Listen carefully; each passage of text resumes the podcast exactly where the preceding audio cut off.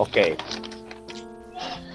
Baik, uh, selamat siang ya. Selamat siang waktu oh pagi waktu Amerika Serikat, selamat malam waktu Indonesia dan selamat dini hari waktu Australia. Wah. Merayakan kedatangan Cak Per kembali. Oh iya, minta maaf ini. Iya, minta maaf ini apa banyak ngawur banyak tugas ini tugas-tugas sibuk rek banyak persekutuan oh iya dong kan dekat dengan Tuhan iya jadi kita jumpa lagi pemirsa teologi uh, kami ber, ber, berlima ya kurang satu ini. Berempat. Uh, iya, berempat ya, kurang satu teman kita uh, Bung Adi skripsi. lagi sibuk dengan skripsi ya. Uh-huh. Nah, kita akan sama-sama membahas bincang-bincang lah ya diskusi tentang topik tentang kematian Tuhan. Wah ini kan topik yang sebenarnya klasik ya. Hmm. Pertama kali dicetuskan oleh Friedrich Nietzsche Woy. dalam Zarathustra ini pemirsa ini bukan dalam pengertian apa ya, bukan dalam pengertian literal, tapi dalam pengertian secara mungkin secara moral ya bahwa Tuhan tidak lagi bisa dijadikan sumber apa, sumber moral ya, kira-kira begitu ya, sumber moral dan sumber tujuan. Nah kita akan berdiskusi dengan tiga narasumber hebat kita ini. Wah ini ada Ibu Jessica dari UPH, Bung Nindo dari Fordham dan DS dari Fry University. Wah, kita akan bincang-bincang.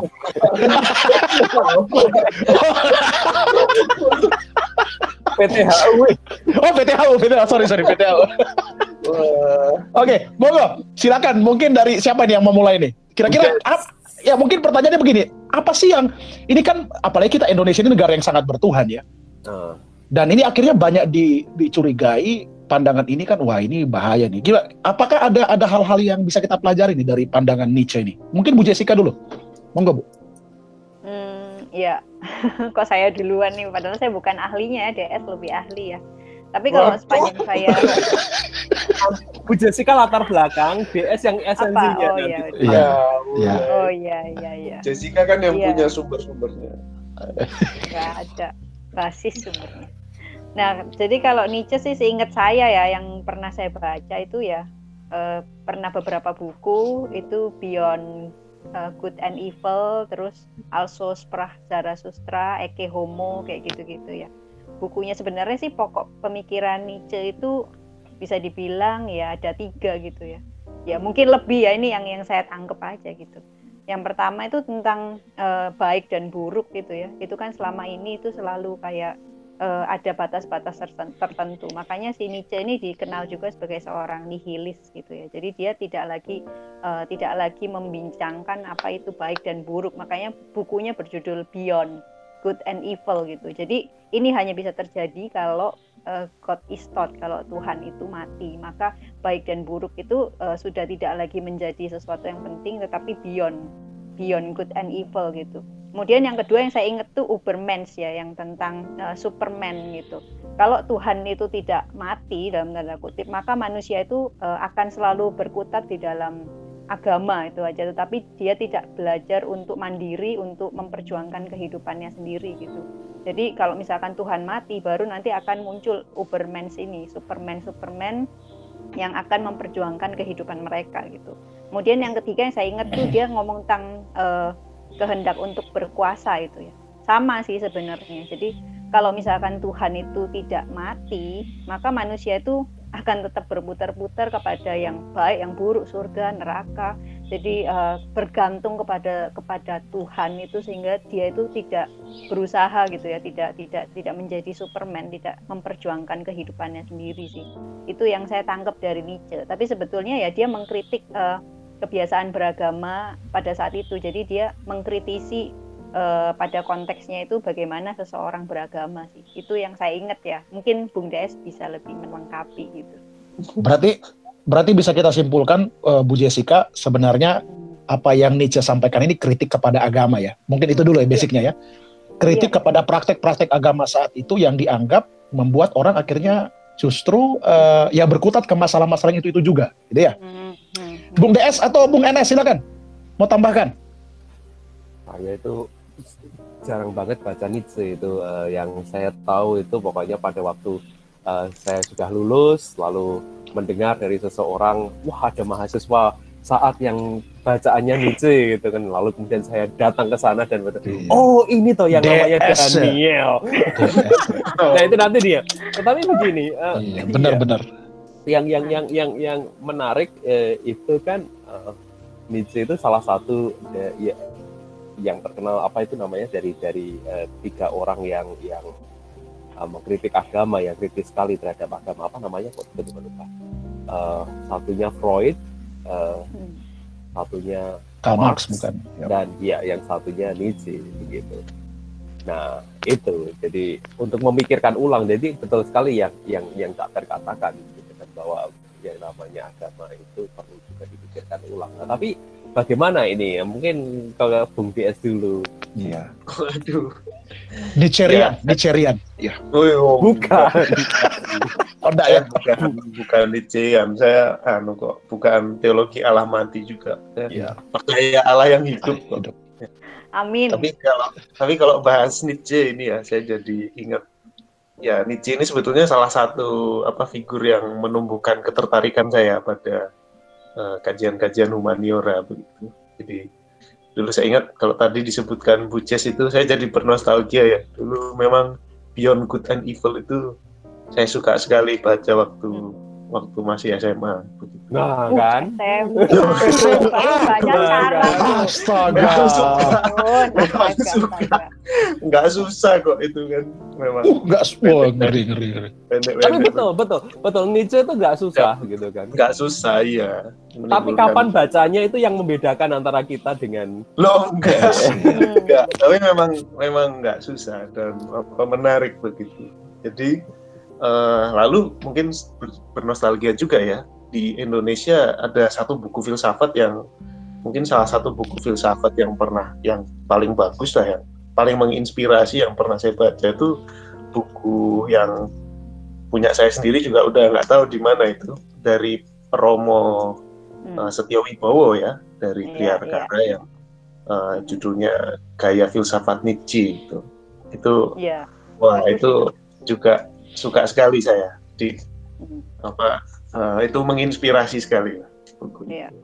Saya masih ingat Bung DS, Anda pernah cerita ke saya, ini lebih dari 10 tahun yang lalu pastinya, itu uh, bahwa Romo Setio Wibowo itu menuliskan uh, yeah. buku itu tuh pada waktu Sampingan. beliau iya pada waktu beliau uh, kerja di uh, Sorbonne dan sampingan selain uh, mengerjakan disertasi, disertasi ya, itu ya. Betul ya. Jadi iya jadi di sela-sela kesibukan menulis disertasi waktu bosan dia menghibur diri dengan Nietzsche begitu. Nah tapi juga mungkin uh, tentang tentang Nietzsche uh, apa menariknya saya beberapa kali dalam pengalaman berjemaat tuh mendengar khotbah dari mimbar itu yang menghardik Nietzsche gitu. Hmm. ya jadi uh, seolah-olah apa Nietzsche ini seperti musuh nomor satunya agama atau kekristenan yang harus uh, apa namanya di, dijauhi atau atau dilawan begitu. Nah, tapi Nietzsche sendiri pembahasannya uh, apa memang pemikirannya itu sporadis ya dan uh, fragmentaris sifatnya. Ya, ingat Romo Setiawibowo juga mengkategorikannya seperti itu. Nah, uh, yang menolong saya untuk melihat secara lebih programatik itu justru waktu saya banyak membaca atau menggeluti Fatimo ya, Gianni Fatimo, filsuf Itali beberapa tahun yang lalu.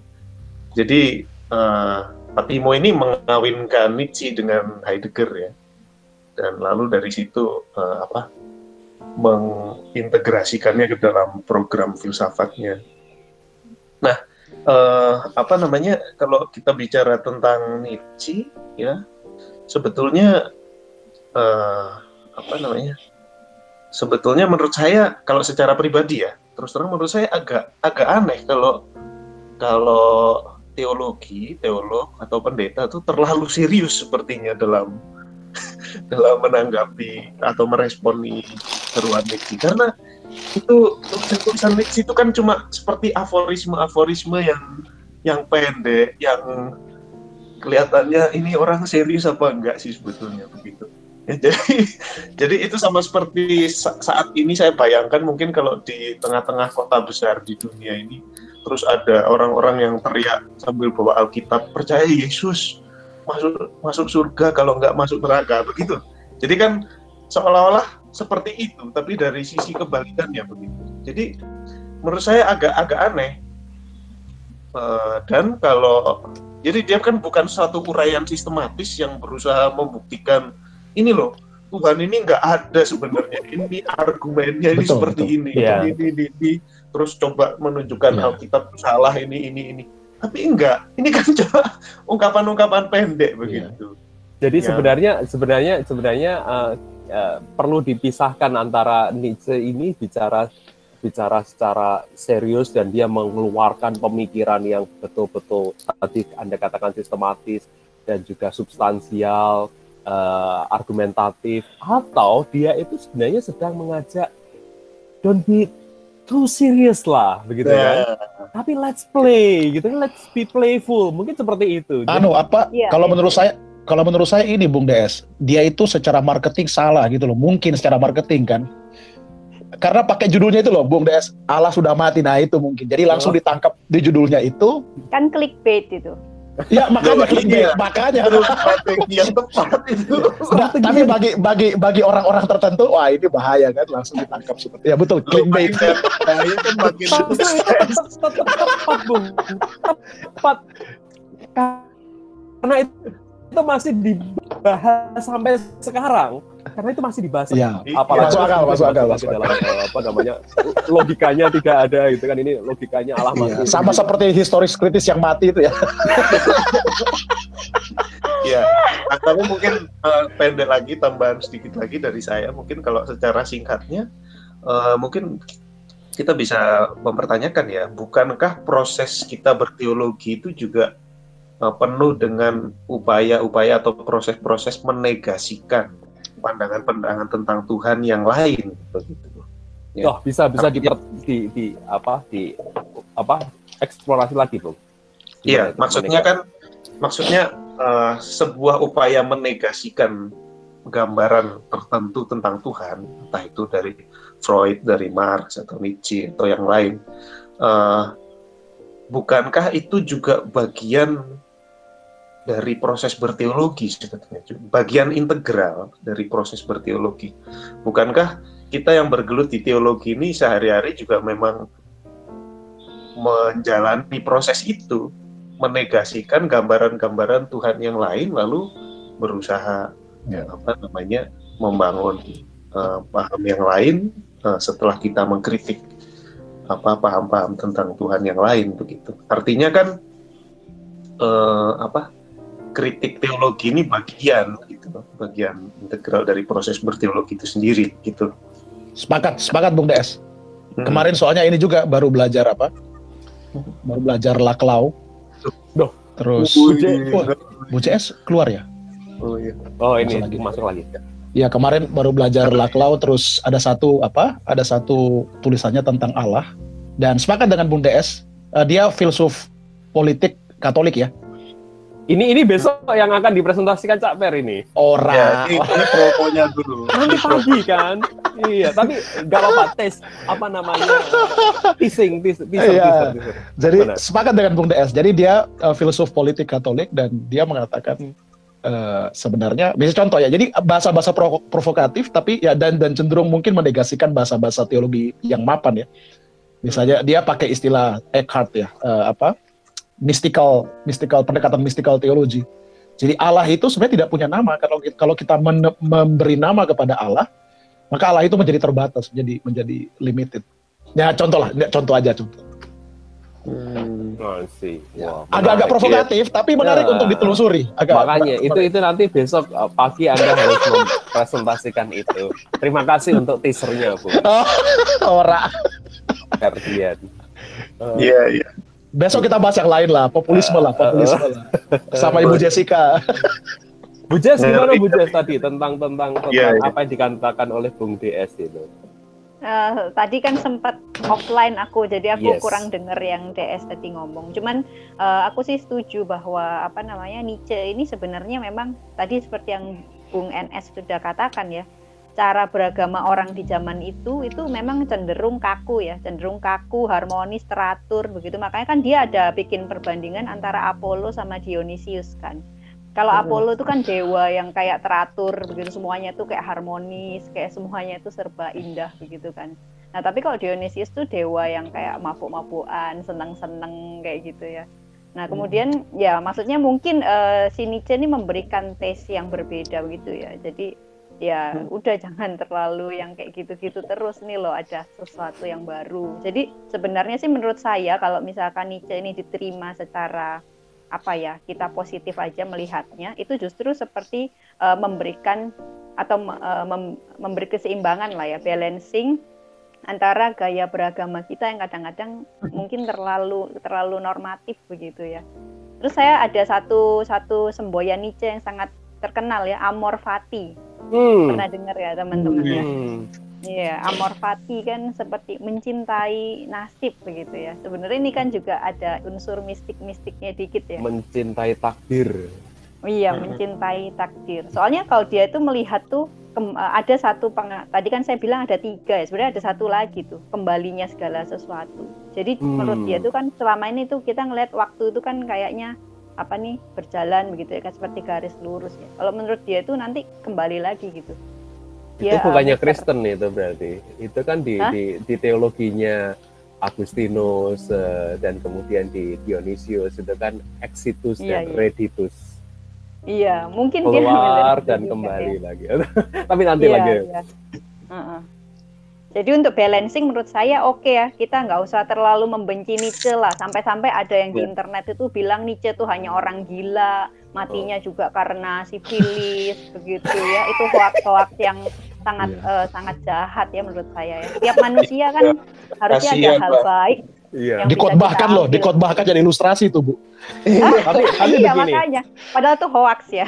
nah sekarang kita masuk kepada diskusi mengenai teologi ini, uh, rekan-rekan. Hmm apakah eh, kekristenan tadi Bung DS, Bung Ferdian itu juga menyinggung masalah percaya kepada Allah yang hidup.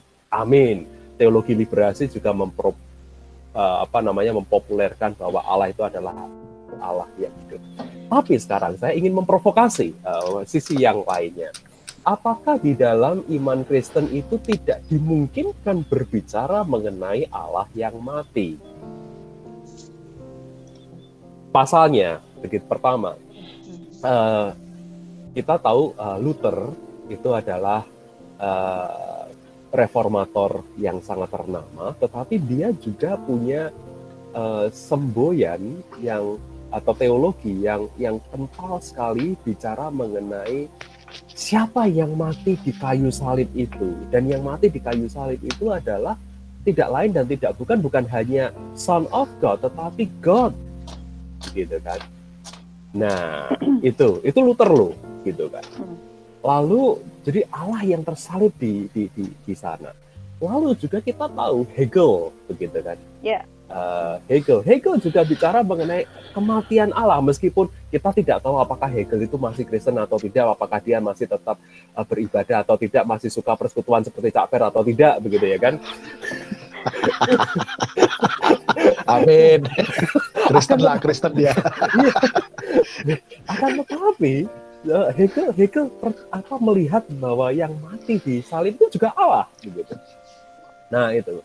Kemudian dari dari Hegel ini kemudian paling tidak di di, di uh, abad 20 itu ada beberapa orang yang mengembangkan teologi, teologi kematian Allah uh, dari stream Lutheran misalnya kita bisa melihat uh, Eberhard Jungel.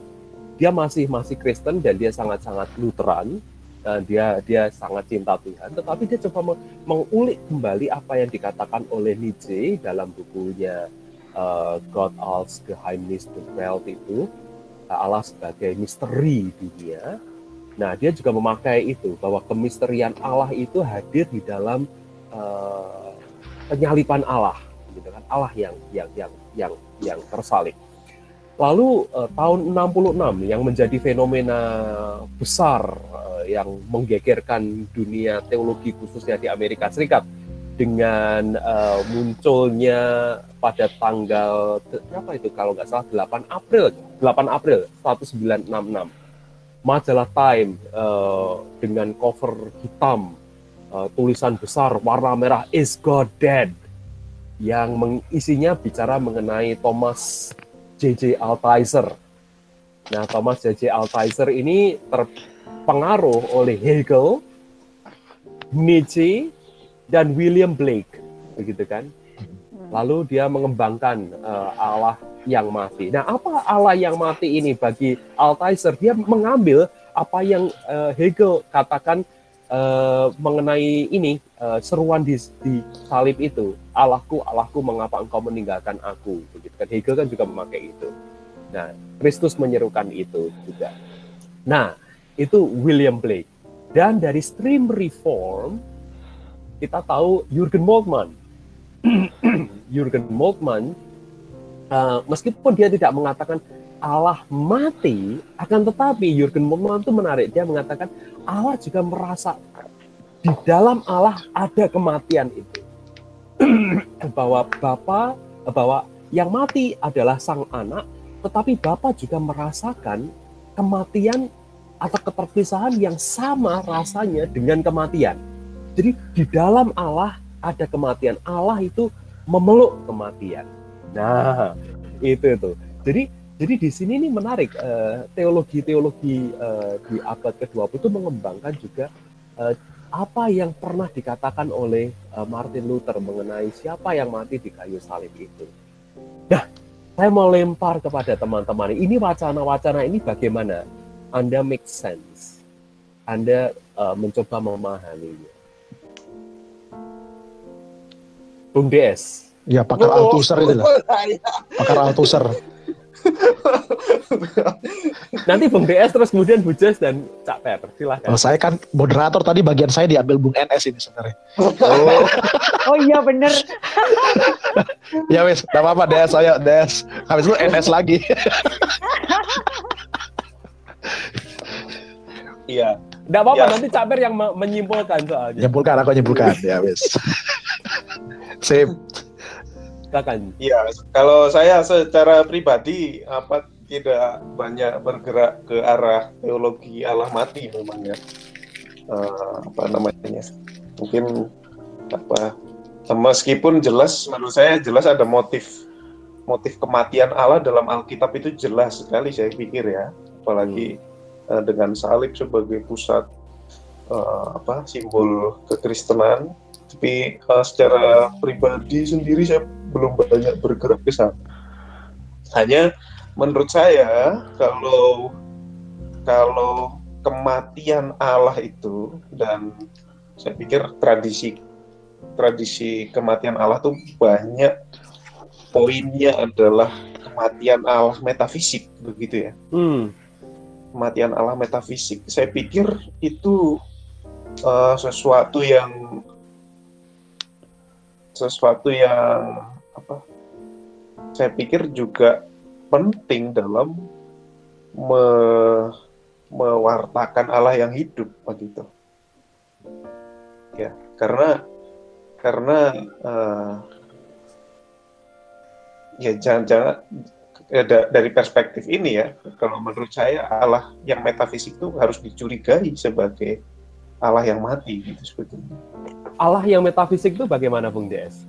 Mungkin bisa ditanya. seperti yang dikritik Nietzsche ya kalau kita tadi kembali ke Nietzsche ya Allah yang apa Allah yang itu tadi yang lekat dengan keberagamaan yang mapan yang kaku yang apa yang ya, tidak autokritik gitu ya tidak iya tidak autokritik ya. ya dan karena itu jadi mengekang dan lekat dengan penindasan dengan praktik-praktik penindasan ya. Dan apa ya itu terkait juga dengan uh, banyak hal ya misalnya kalau saya ingat kalau yang dikaitkan uh, Fatimo dengan dengan kritik metafisik dari Heidegger dan Nietzsche itu adalah natural law misalnya ya itu kan uh, itu kan demikian juga sifatnya. Ya. Lalu uh, dalam dalam hal ini saya kan tradisi banyak dekat dengan apa teologi Kalbat ya. Uh, saya bisa katakan bahwa teologi Kalbat itu sifatnya juga anti metafisik gitu. Jadi uh, sifatnya anti metafisik dan apa namanya dan dalam hal ini bisa ada kesejajaran dengan Nietzsche malahan. Hmm. Bahkan Bahkan kalau dikaitkan juga dengan Nietzsche, ada satu istilah yang suka digunakan Kalbart ya untuk mendefinisikan teologi yaitu sebagai apa? Uh, kalau Nietzsche kan bilang anu ya, flagaya scienza, the gay science atau die fröhliche Wissenschaft, ya, the joyful science. Jadi uh, dari situ saya saya bisa melihat ada ada kesejajaran sebetulnya malah sama-sama anti metafisik dan sama-sama mau mengangkat sifat uh, sifat joyful yang sebetulnya kalau tadi Bung Nindyo katakan playful yang dikritik oleh Nietzsche terlalu kuat dalam agama dan mungkin coba diangkat oleh Barth sebagai sesuatu yang secara inherent bagian dari teologi sebetulnya. Menarik. Ya, ya, ya. Silahkan Bu Jess. Iya, kalau saya sih mungkin bakal menghubungkan ke ini ya, Theodicea itu. Uh, kalau nggak salah itu setelah apa? Setelah Auschwitz itu uh, muncul pemikiran-pemikiran ya bagaimana uh, Theodicea itu apakah masih bisa menjawab masalah kejahatan. Pada saat itu muncul tuh kalau nggak salah Hannah Arendt ya Anak Arendt yang ada hubungannya tentu dengan Heidegger uh, hmm. dia mengatakan bahwa ya Tuhan itu sudah mati istilahnya kita sekarang ini bagaimana setelah setelah apa menghadapi trauma yang begitu besar ini uh, apa yang harus kita lakukan untuk membangun kembali kehidupan manusia yang sudah hancur ini ya satu-satunya cara ya kembali kepada kematian Tuhan itu ya maksudnya uh, bergerak bergerak sebagai manusia yang harus menguatkan diri sendiri begitu ya. Jadi di situ bangkitnya anti teodicea yang teodicea klasik gitu ya. Itu juga e, kalau tidak salah memang di situ munculnya e, semboyan matinya metafisika atau matinya Tuhan itu yaitu bagaimana manusia harus berusaha sendiri untuk membangun kehidupannya untuk melawan semua penderitaannya. Dan kalau nggak salah itu memang sekarang eh, teolog-teolog kontemporer pun uh, menggunakan menggunakan pendekatan itu. Uh, beberapa waktu lalu saya juga membaca sebuah artikel saya lupa yang nulis siapa itu juga mendekati uh, masalah penderitaan dari Theodicea Nietzschean gitu Nah nanti kalau ada waktu kita akan bisa bahas lebih dalam lagi ya bagaimana Sip. Theodicea Nietzschean itu. Ya, berarti Bu Jessica sudah menyiapkan diri untuk Waduh, nembak terus. keren, keren. Nah, kita kembali ke, ke sekarang ke uh, pengkhotbah terkenal ini. Oh, oh iya. Mana? Ya saya pakai Alkitab aja lah. oh jelas dong, kan harus iya. ada kaitan Alkitab kan. Tadi oh, saya iya. sepakat iya. dengan saya sepakat dengan Bung, saya nggak terlalu banyak, saya nggak baca Nietzsche ya, tapi saya sepakat dengan Bung DS tadi Ya kan di Alkitab juga ada misalnya panggilan Kristus untuk apa menyangkal diri pikul salib itu ya. Hmm. Uh, kan mak itu kan makna-makna kematian sebenarnya. Dan saya sepakat dengan Bung DS uh, Alkitab tegas sebenarnya ya bukan kita semua harus mati dalam pengertian menginstitusionalkan agama gitu kan. Dan kalau kembali melihat kritik Nietzsche ya sebenarnya itu yang dia kritik gitu ya ke arah sana gitu. Itu yang pertama. Yang kedua mungkin kalau kalau sedikit kritik Nietzsche boleh ya ya boleh dong. Boleh. Ya, boleh. Iya. Udah mati kok. Saya jangan bilang dia ini gila dan sifilis. oh iya. Oh, nah, nanti ilustrasi khotbah aja nanti ilustrasi khotbah. iya, kalau kalau kan kan dia kan sepertinya apa ya sangat skeptik dengan uh, nilai-nilai agama gitu ya, khususnya dalam konteks modernitas uh, Barat ya. Cuma kalau lihat Durkheim, kalau compare dengan Durkheim, justru kan Durkheim lihat sebaliknya ya yang menjadi problem di dunia barat itu sebenarnya bukan bukan agama begitu. Problem problem di dunia barat itu kan sebenarnya uh, individualisme karena modernisme. Dan malah dia mengatakan nilai-nilai agama itu penting untuk untuk menjadi perekat apa istilahnya apa ya? Uh, glue of society. Uh, social activity itu justru salah satunya lewat lewat agama. Jadi kalau di satu sisi uh, Nietzsche mengatakan agama tidak penting lagi nilai-nilai agama, justru Durkheim di sisi sebaliknya mengatakan, enggak, masih penting pastinya. Hmm. Ya itu sih dari saya, Bung Enes. Oh, mungkin saya nambahin yang Durkheim tadi, Pak. Wih. Enggak, maksudnya enggak saya cuma baca gitu ya. Durkheim itu memang ya mengatakan bahwa agama itu masih penting gitu untuk merekatkan nilai sosial seperti yang tadi disebutkan oleh ya. Pak Ferdi, Pak Ferdian. Cuman eh, di sisi lain dia tuh mengkritik bahwa uh, Protestan itu merupakan agama yang paling individualis. Jadi sebetulnya exactly. dia mengkritik apa ya. bahwa Protestan itu akan uh, membawa kepada sekularisme, modernisme ya. dan akhirnya cult of individual. Ya. itu sih mungkin tambahannya. Betul. Itu kritik juga buat kita ya. Betul, betul. Mungkin. Ya. Mm-hmm. Hmm. Ya, menarik, menarik. Bung Perdian, ini waktunya sudah cukup. Loh, ini nggak dilanjutkan Durkheim tadi. Katanya boleh. Itu nanti tugas Anda dan Bu Jessica itu. Uh, iya, iya. Nah, saya sudah menyiapkan jalan kan, teaser lagi ya. iya. Populis, iya. apa populisme ya? Populisme, oh iya. Besok ya, NS lagi kan populisme. Apa iya, uh, lakan dan laklau apalah. Oh, lakong itu bagiannya di S juga. iya, makan deh. Nggak ngerti aku. Baik pemirsa Tioflogi, terima kasih untuk perhatiannya. Wah ini seru sekali diskusinya ya. Seru dan kesimpulannya tetap Allah hidup ya. Hidup lah. Allah, loh, kok Allah hidup lah gitu. Hidup lah, hidup. Hidup. hidup. hidup. Hidup dan berkuasa. Iya. iya. Tapi ingat. Mati bangkit naik ke surga duduk iya. sebelah kanan Allah. Iya.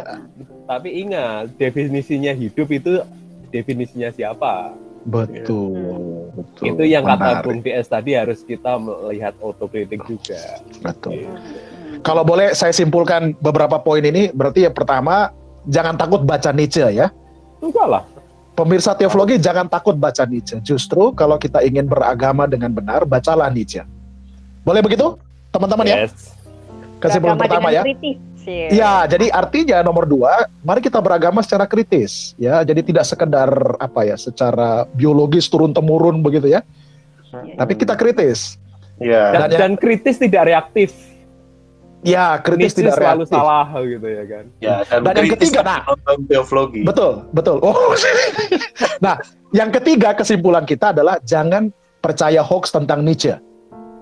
Ya, oh jangan lagi yeah. khotbah-khotbahkan. Nah, tadi itu Ibu Jessica betul itu. Jadi jangan lagi khotbah-khotbahkan yang enggak-enggak tentang Nietzsche. Tolong ini pengkhotbah-pengkhotbah ya. Biarkan dia istirahat dengan tenang. Biarkan dia istirahat. Baca bukunya dengan uh, apa namanya santun ya, dengan ya, respect, betul, kritis. Iya. Betul.